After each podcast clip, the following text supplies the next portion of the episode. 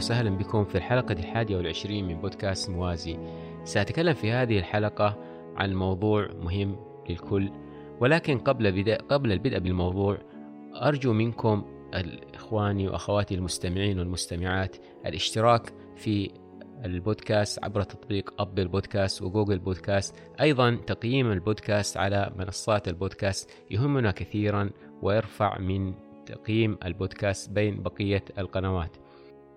موضوع الحلقة اللي حاب أتكلم فيه آه قد يكون صادم للبعض وقد يكون كأني أمشي في حقل ألغام لأن الموضوع حساس وأيضا آه فيه بعض الجوانب التي لم يتكلم فيها الكثير.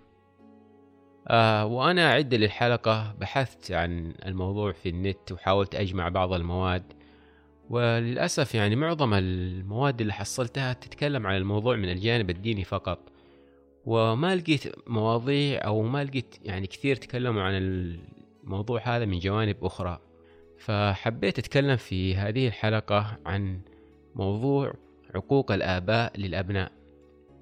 طبعا الكل عارف في موروثنا الديني والاجتماعي إنه دائما يحث على البر بالآباء والأمهات.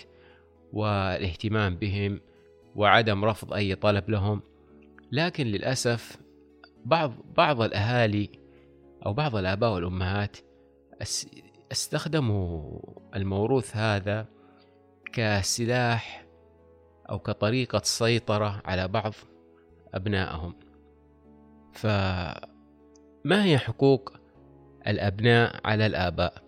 حقوق الآباء أو الآباء والأمهات على الأبناء معروفة والكل عارفها لكن ما هي حقوق الأبناء على آبائهم؟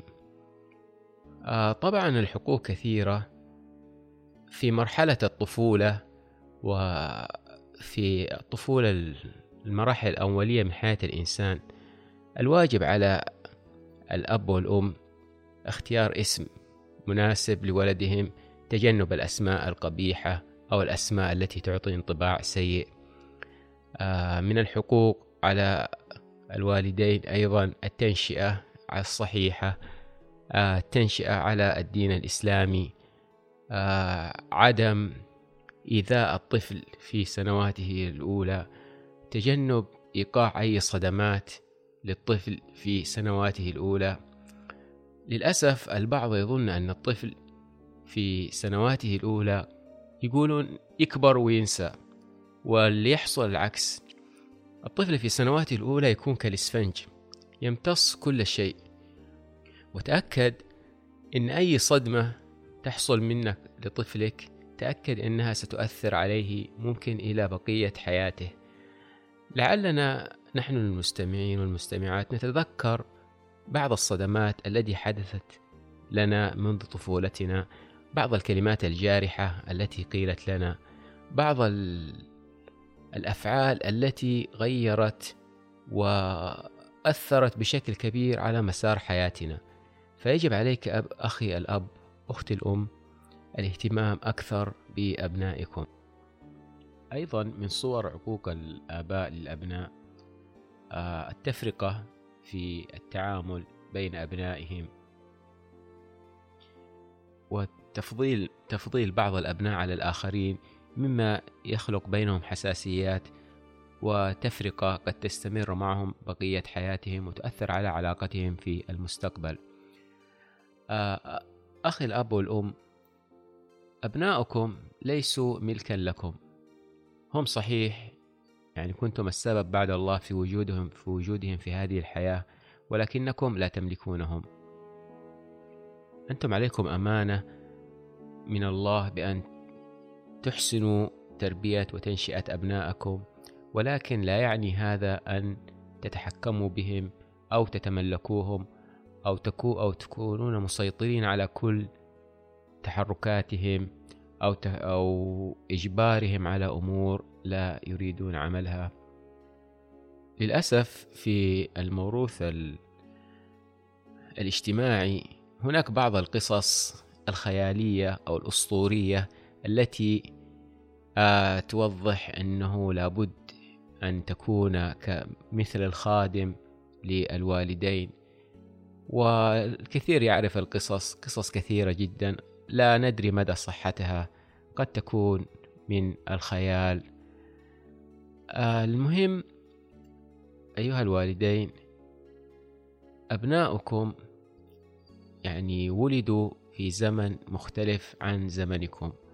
ظروفهم الحالية مختلفة عن ظروفكم. فصعب جدا أن تجبر ابنك أو بنتك على أن يعيشوا مثل ما عشت أنت. ظروفكم كانت مختلفة عن ظروفهم وزمنهم مختلف عن زمنكم.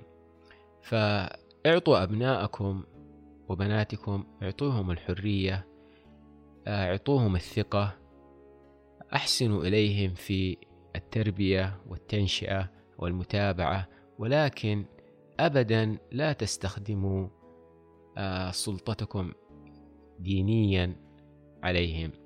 لا تجبروا أبناءكم على أشياء لا يريدون أن يعملوها. مثلا تجبر ابنك على دخول تخصص جامعي كنت أنت تحبه وبتتمنى أن تدرسه أو تجبر بنتك مثلا على الزواج من شخص لا تريده.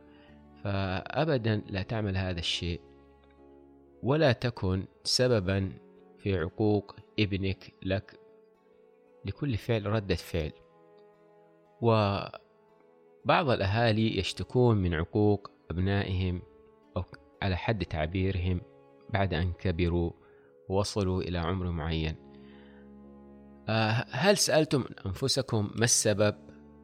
هل أحسنتم تربيتهم؟ هل أحسنتم إليهم؟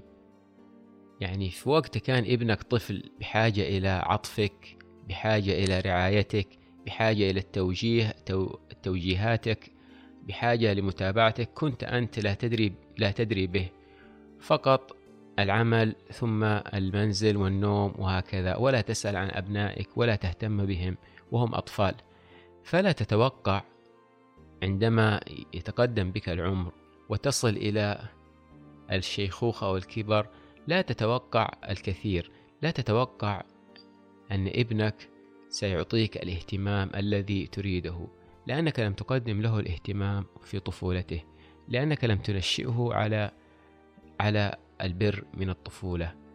فلا تقول يعني تكون مضيع أولادك عمرهم كلهم في طفولتهم وأنت ما يعني ما تدري بهم في أي مرحلة يدرسون ما تدري عن مشاكلهم.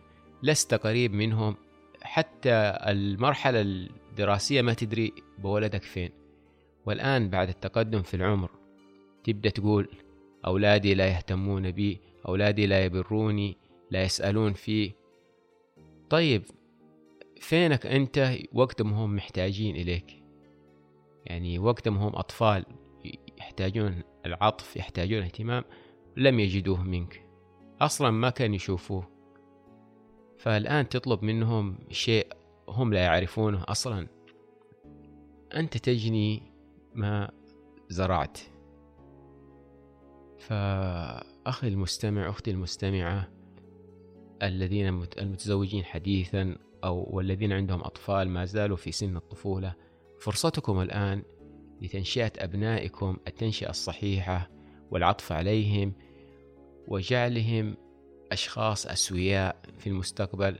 وتأكد إذا نشأت ابنك أو بنتك التنشئة الصحيحة والتربية الصحيحة فالبر بك هذا مجرد نتيجة. مجرد نتيجة وراح تجيك بدون أن تطلبها. لكن إن ضيعت أبنائك في طفولتهم وكنت سبب في عذابهم وكنت سبب في صدمات الطفولة لهم لا تتوقع الكثير منهم. إن أحسنوا إليك فهذا يعني فضل منهم. آه صراحة هذا الموضوع اللي حبيت أشارككم فيه وهو كنصيحة لأنه المستمعين للبودكاست معظمكم في سن الشباب أو متزوجين حديثا أو عندهم أطفال ما زالوا صغارا فحبيت ألفت نظركم لهذه النقطة المهمة بروا بأبنائكم فتحصلوا على البر منهم في المستقبل ولا تقوموا بعقوق أبنائكم وتتوقعوا منهم العكس في المستقبل. هذا اللي عندي بصراحة وزي ما قلت في بداية البودكاست أرجو منكم تقييم البودكاست على أبل بودكاست وجوجل بودكاست أيضا اشتركوا لكي تصلكم الحلقات الجديدة التي تنزل أسبوعيا.